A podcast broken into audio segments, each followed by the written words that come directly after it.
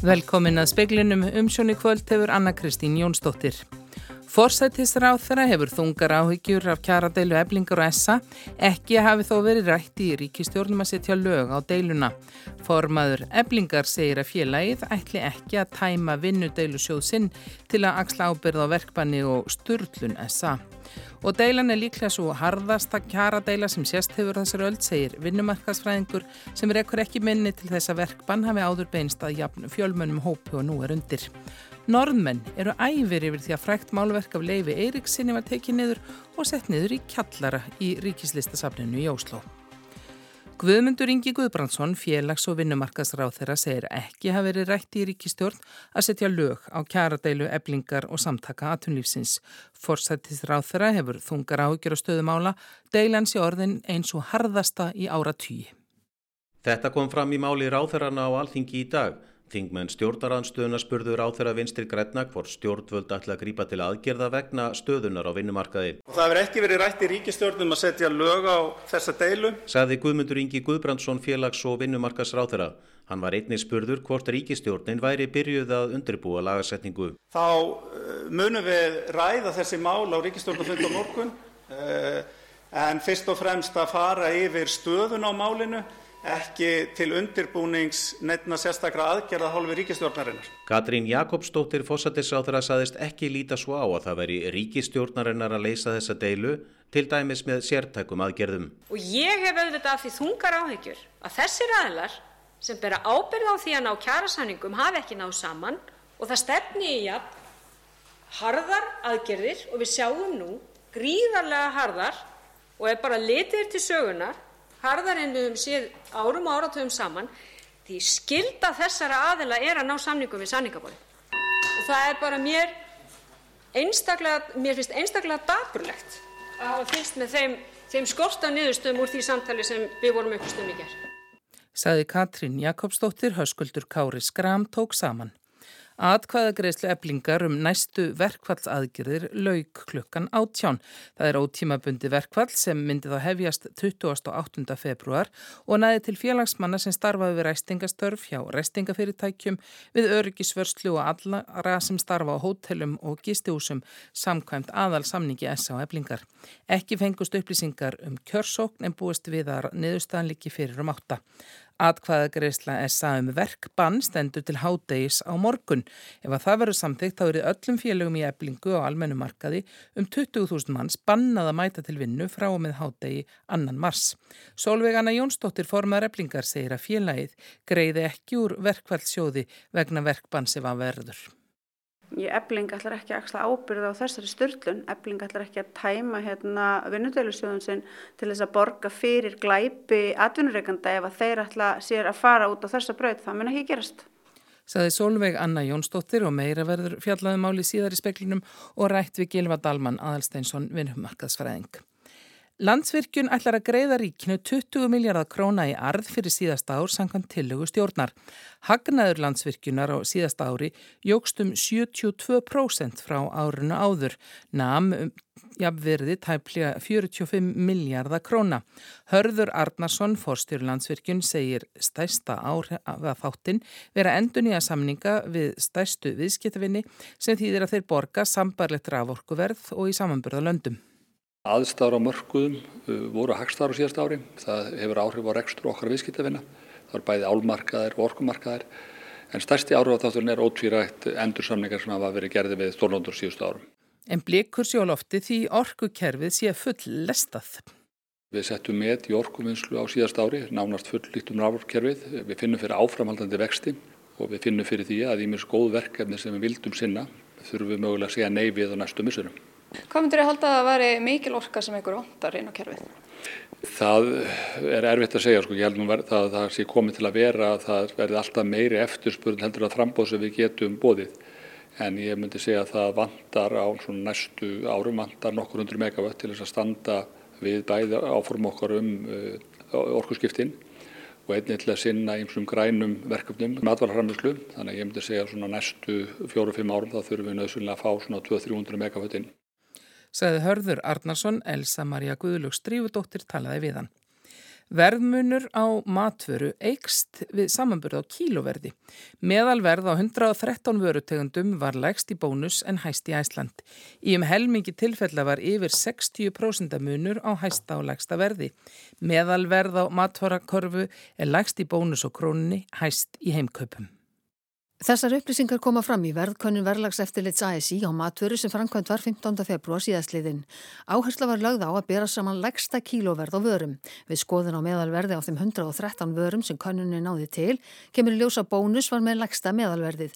Meðalverði krónunni reyndist næst legst. Æsland var með hæsta meðalverði þá heimkaup og kjörbúðin. Meðalverð á matvöru í sömu könnun var sömu leiðis legst í bónus og krónunni en hæst í Æsland og heimkaupum.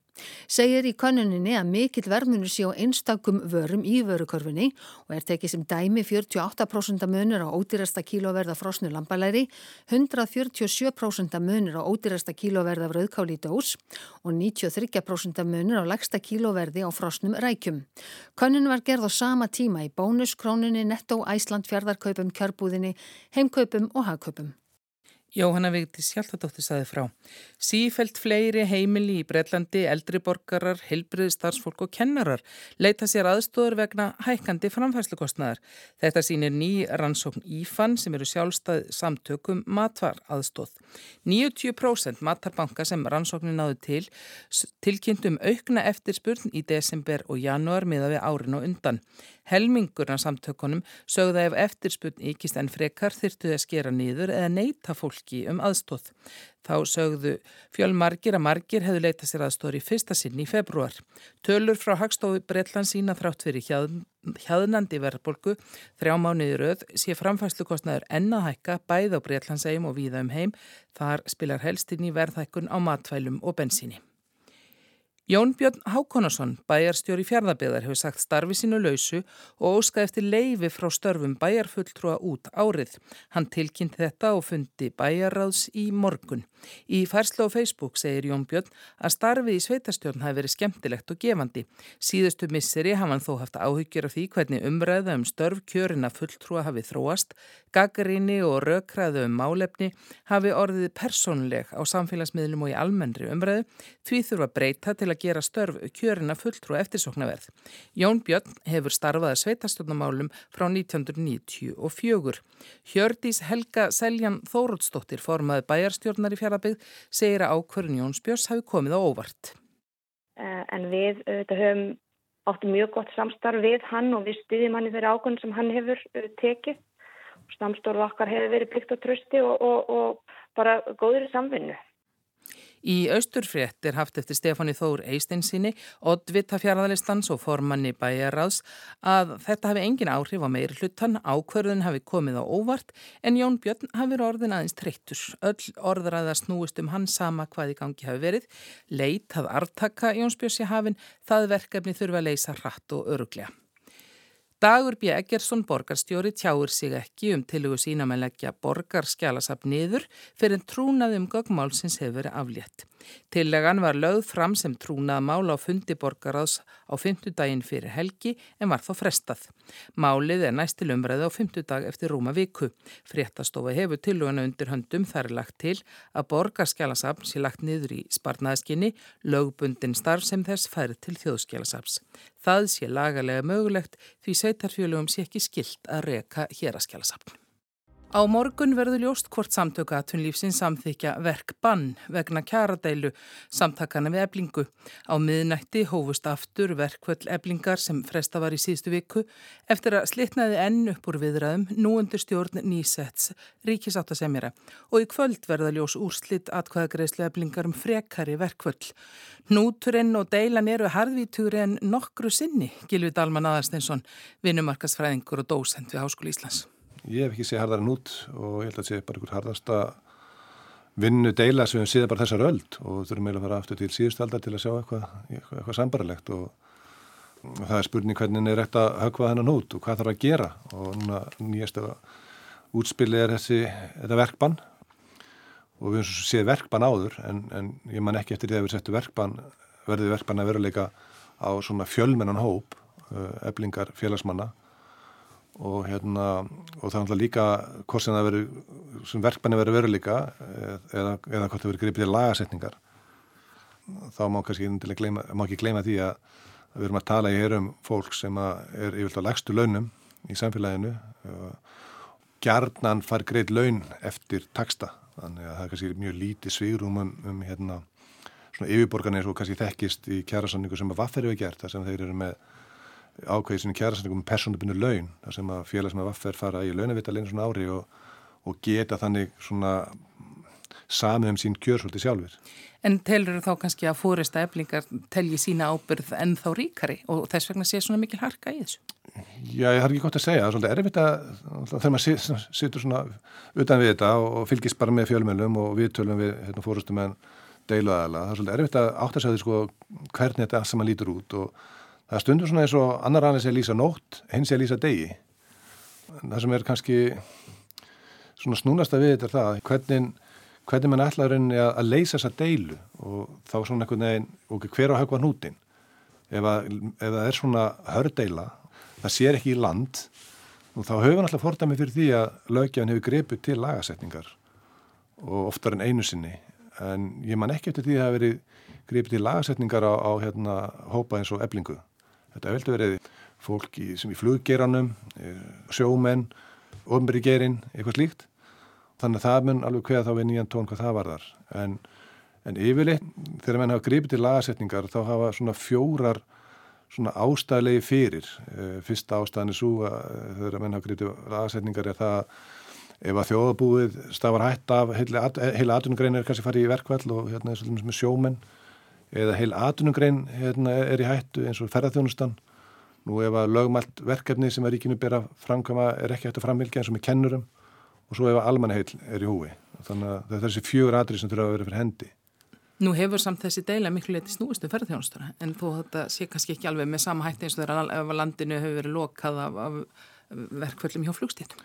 Nei, sko, já, já, en þetta er að breyta. Þessi, þessi verkvælds, eh, hvað sé, taktík, eblingar sem er á mörguldi með verkileg, þeir beita sér svona, svona ákveðum hópum í byrjun og það er svona vik á milli verkvælla það er sem sagt bóðað sko ótímabundi verkvall svona í síðustu ára tíu, allavega 40 rúnlega ár, þá hefur við séð svona meira sko svona lótubundi verkvall sem að þau hérna, stig magnast í nokkra daga með einhverju svona frí á milli og enda síðan í hérna allsverðverkvalli sem að síðan hefur komið á daginn hefur og raungest þannig að núna eru sko sjá hérna aðila eins og til dæmis hérna varandi oljuflutninga og fleira þar sem henn eru bara komin í ótímabundi verkvall. Verkbönn hafa verið fátíðar en verkvöll.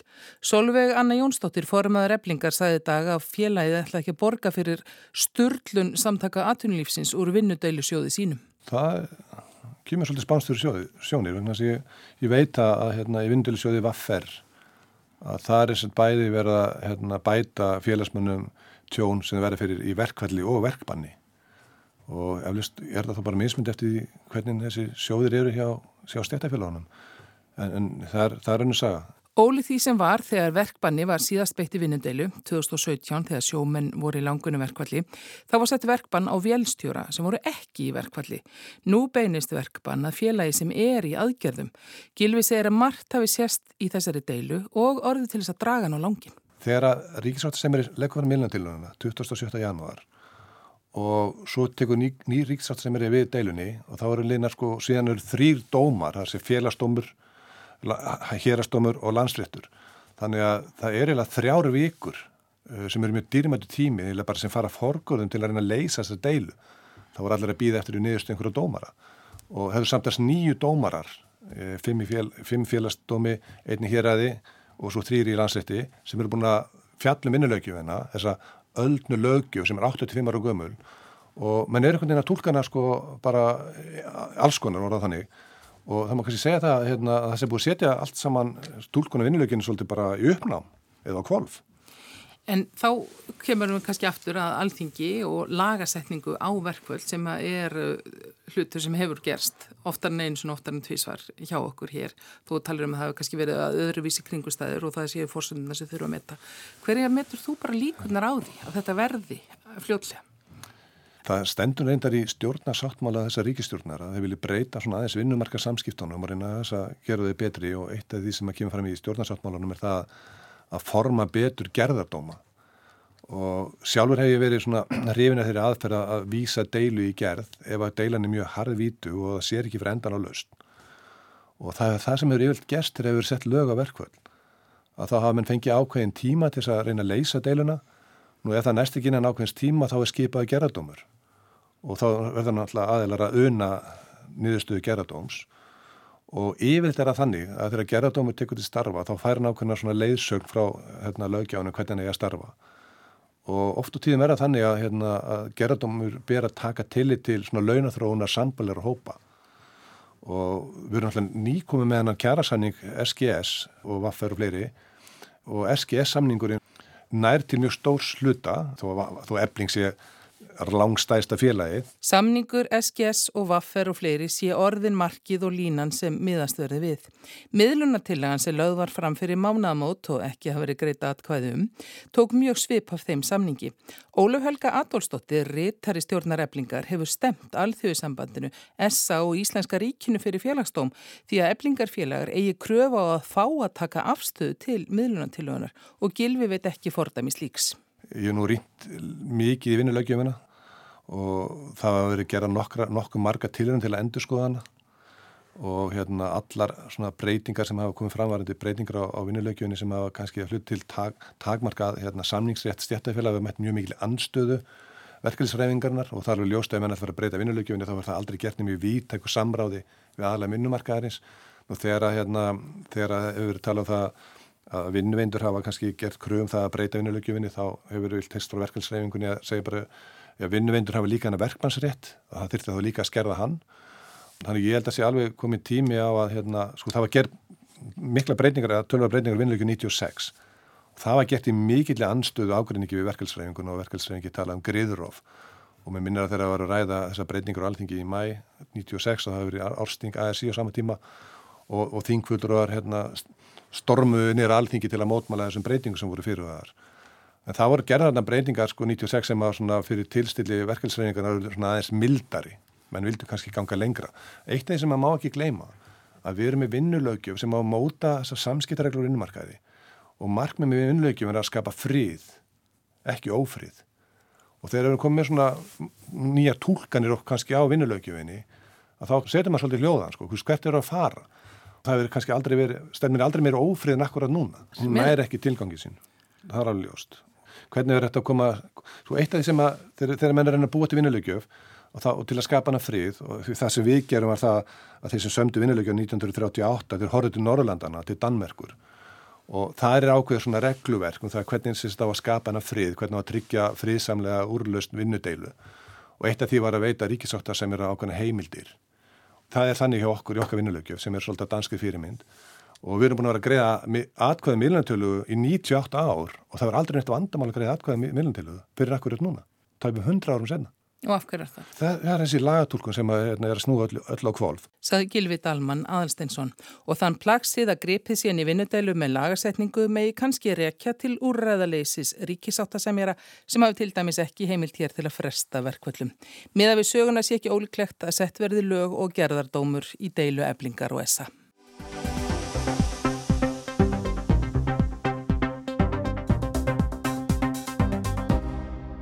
Stutt heimsóknir Joe Bidens bandaríkja fórseta til Úkrænu í dag kom flatt upp á flesta. Undirbúningi ferðarinnar var haldið vandlega lendum. Fórsetin og Jill, eigin konans, borðuðu kvöldverð á veitingahúsi í Washington á lögardagskvöldið sem að sögn kunnúra gerist afar sjaldan. Dæin eftir lagðan af stað með lend áleiðist til Pólans. Þaðan ferði að stann með lest í tíu klukkutíma til Kænugars. Fjölmiðlum hafði verið greint frá því að fórsetin væri á leiði tveggja daga heimsókn til Pólans og átti að lenda þar á þriðudagsmorgun. Embættismenn í Washington harðin neituða tilstæði að breyta út af fyrirfram ákveðin í dagskrá í Pólandi þegar fjölmiðlamenn leituðu frétta. Hvitahúsið sendið í dagskrá heimsóknarinnar út í gerkvöld á sama tíma og Joe Biden var komin langleðina til Pólans. Í kennugarði var líðum ljóst í gerðkvöld að eitthvað mikið var í aðsíi þegar öryggisreglur voru hertar til muna. Nettsamband var rofið að hluta. Fólki var bannað að fara út á svalir og verandir húsa sinna og allir voru beðnir um að hafa glugga lokaða. Einni voru settir upp vegatólmar. Margir gerðu af þessum sökum ráð fyrir því að von væri á mikilvægum manni í heimsókn en fá að grunaði að bandaríkja fórseti sjálfur væri á leiðinni. Að sögn frettaskýrjanda hefur heimsókn Joe Bidens til Úkrænu margvíslega þýðingu fjórum dögum áður en árið liðið frá því að innrás rúsa hófst. Þá er einn dagur í að Vladimir Putin fórseti flyttur stefnuræðu sína í Moskvu þar sem búist er við að hann fari yfir það sem hann telur hafa áunnist á árinu. Bæten rifið upp símtal hans og Volodymyr Selenskis Ukraínu fórseta morgunin sem innrásinn hófst. Hann hvaðst hafa spurt Selenski hvað hann geti gert. Hann bað Bæten að hafa samband við leðtóa annara þjóða og fá þó til að lýsa yfir stuðningi við Ukrænumenn í stríðinu. Bæten sagði að í upphafi nefði litið út fyrir að kænugarður væri að falla í hendur innrásarliðsins, jafnvel að Ukræna væri að þurkast út af landakortinu. You know, Kiev stands, and Ukraine stands, democracy stands, the Americans stand with you, and the world stands with you. Kiev has captured a part of my heart, I must say. Ári síðar stendur kænugarður enn, sömulegðis Úkraina, líðræðið lifir og bandaríkin og heimurinn standa með ykkur, saði Joe Biden. Hann let heimsóknin ekki næja til að sína ukrainsku þjóðinni stuðning heldur hétt henni hernaðar aðstóð fyrir 500 miljónir dollara til við botar við það sem bandaríkja stjórn hefur áður látið af hendi rakna.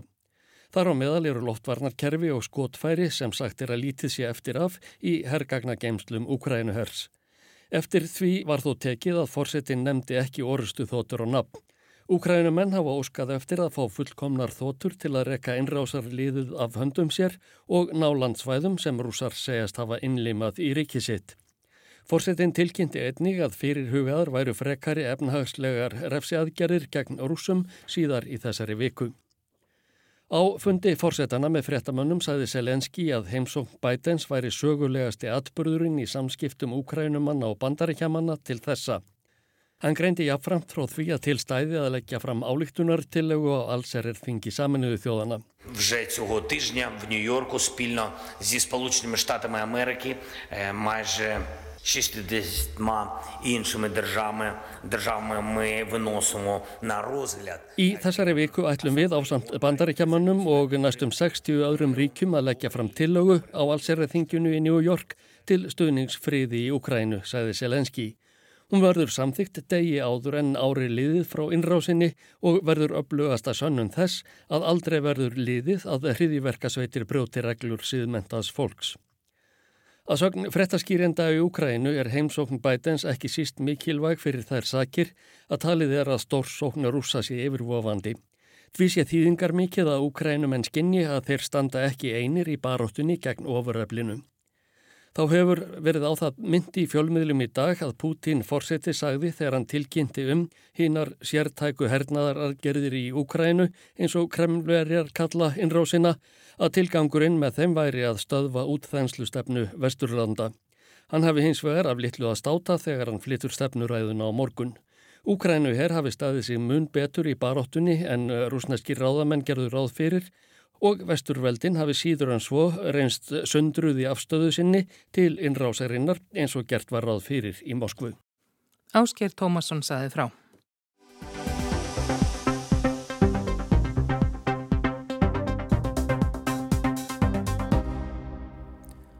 Norðmenn eru æfir vegna þess að búið er að setja frækt málverk af Leifi Eiríksinni í skammarkrókinn. Leifur kuð vera tákn nýlendustefnu og jafnvel rasisma og ekki hægt að hafa hann til sínis fyrir börn og viðkvæfa. Atbyrðu þessi varði í ríkislistasafninu í Óslo og Gísli Kristjánsson hefur kannan nánar reyði norðmanna. Það varð upp í fótur og fýtt hér í Norgi þegar fjölmiðlar báru fréttir af að frækt málverk eftir Kristján Krog væri horfið úr ríkislistasafninu. Þetta er myndin þar sem Leif nokkur Eriksson er í úpnum sjó og kemur auga á Ameríku. Þetta er sami maður og hétt Leifur Eiríksson á frummálinu þar að segja að hann var þá til. En deilan og upprópanirnar snúast ekki um hverja mannasæfarin var, heldur hvort málverkið beri vittnu um nýlenduhyggjum. Og það sem verra er að sænskur starfsmaður ríkislistasapsins hér í Óslo taldi málverkinu best hæfa staður í kjallarasapsins þar sem enginn sér það. Svíi af öllum þjóðverðnum telur sig þess umkomin að dæma um hvort eitt ástsælasta listaverk þjóðarinnar er löðurandi í nýlenduhyggju eða einhverju öðru þaðan að vera eða ekki. Nú hefur svíin beðist afsökunar á frumhlaupi sínu og þekkingarleysi um flest sem við kemur norskri sögu. En reyði normanna er síst minni eftir það og nú vilja þeir æstustu fá höfuð svíjans á fati og það strax. Til þess kemur þó ekki samkvæmt nýjustu fréttum en deilan um málverki lifir góðu lífi óháð örlugum svíjans á safninu. Í fyrsta lægi eru menn ekki á eitt sáttur um hvort þarna byrtist nýlenduhyggja þegar nefndur Leif Eriksson kemur auga á Ameríku. Hvort nokkuð var til sem hétt nýlenduhyggja eða nýlendu stefna á þeim tíma þegar Ameríku bar fyrst fyrir augu hins kvíta kynstops. Þetta minnir auðvitað mjög á deilur sem hafa verið á Íslandu um skilning á stittunni af Guðríði Þorbjarnadóttur með són sinn á aukslinni að sögn fyrsta kvíta barnið fætt í Ameríku. En hér er deilan hægt að snúast um myndar hugsanir Kristjáns Krog meðan hann málaði myndina. Heldur um hlut þessa fræga málverks í sögu tjóðarinnar. Málarinn lauk verki sínu árið 1893 og það var haft til síningar í Chicago til að sanna fyrir Ameríkumönnum og heimsbyggðinni að normaðurinn Leif Eriksson hefði fyrstur fulltrúa hins hvita kynstofts komist til Ameríku. Engin hér efast um að Leif Eriksson var normaður og málverkið umdelda er óumdeilanlega hluti af þjóðarmótun normanna undir lok 19. aldar og á þeirri 20. Þá höfðu normen uppgötvað að tilvara á íslensku mikið sapn gamalla kathólskra frásagna sem hægt var nota til að fylla í stóra reyður í Noregsögunni. Á þessum bókum mátti ég að fyrir lesa um atbyrði sem urð á járnöldinni eins og til dæmis að norrænir járnaldarkappar hefðu flotið allarleið til Ameríku og komist heim aftur til að segja frá. Þar er umrættur Leif Eriksson nefndur til sögunar. Mynd Kristjáns Krog af þessum atbyrði hefur verið í kjenslubókum barnaskóla hér í meirinn hundrað ár. En er þetta mynd af nýlenduhyggju og jafnvel færni hins hvita kynstofns í sjóferðum? Nei, segja sumir, þetta er bara staðurendum sögu okkar. Aðrir segja já, þetta er dæmi um hvernig nýlendu stefna og þjóðernishyggja grófum sig í Noregi eins og öðrum Evrópulöndum á 19. öldinni. Sömu íslensku heimildirnar og málarinn notaði voru síðar notaðar til að réttlæta landnám normann á Grænlandi og stopnum lands Eiríks Rauða þar. Það var árið 1931 en landnámið var dæmt ólöglegt af alþjóðadómstólnum í hag tveimur árum síðar. Það dugar ekki að veifa einhverju króti á íslensku kálfskinni til að réttlæta að taka land af öðrum þjóðum. Normenn hafðu líka mikinn huga á eignast Bjarmaland sem er innan Rúslands með sömu íslensku heimildirnar af opni en fengu ekki. Svo það er hægt að tengja allt þetta saman, málverkið af Leif Eriksson og drauminum að færa landamæri Noregs út svo langt sem íslenskir munkar og almannatenglar á borði Snorra Sturluson töldu hefði verið undir loki járnaldarinnar. Og því er við að bæta að ríkislistasafni í Óslo tilkynnti í dag að málverk Krós af leifi verður hengt aftur upp í síningaríminu og hægt að skoða það þar frá og með morgundeginum í fjórar vikur. Veðurhorfur á landinu til miðnættis annað kvöld eru þær að það verður vestlega átt, góla eða kaldi. Stöku jél en þurft norðaustan til, hiti um frostmark. Norð-vestlagari áttir á morgun, snjókoma austast og hversir þar annað kvöld. Fleiri er ekki í speklinum í dag, tæknimaður var Magnús Þorstedt Magnússon, útsendingu fréttastjórnaði Yngibjörg Sara Guðmundsdóttir, verið sæl.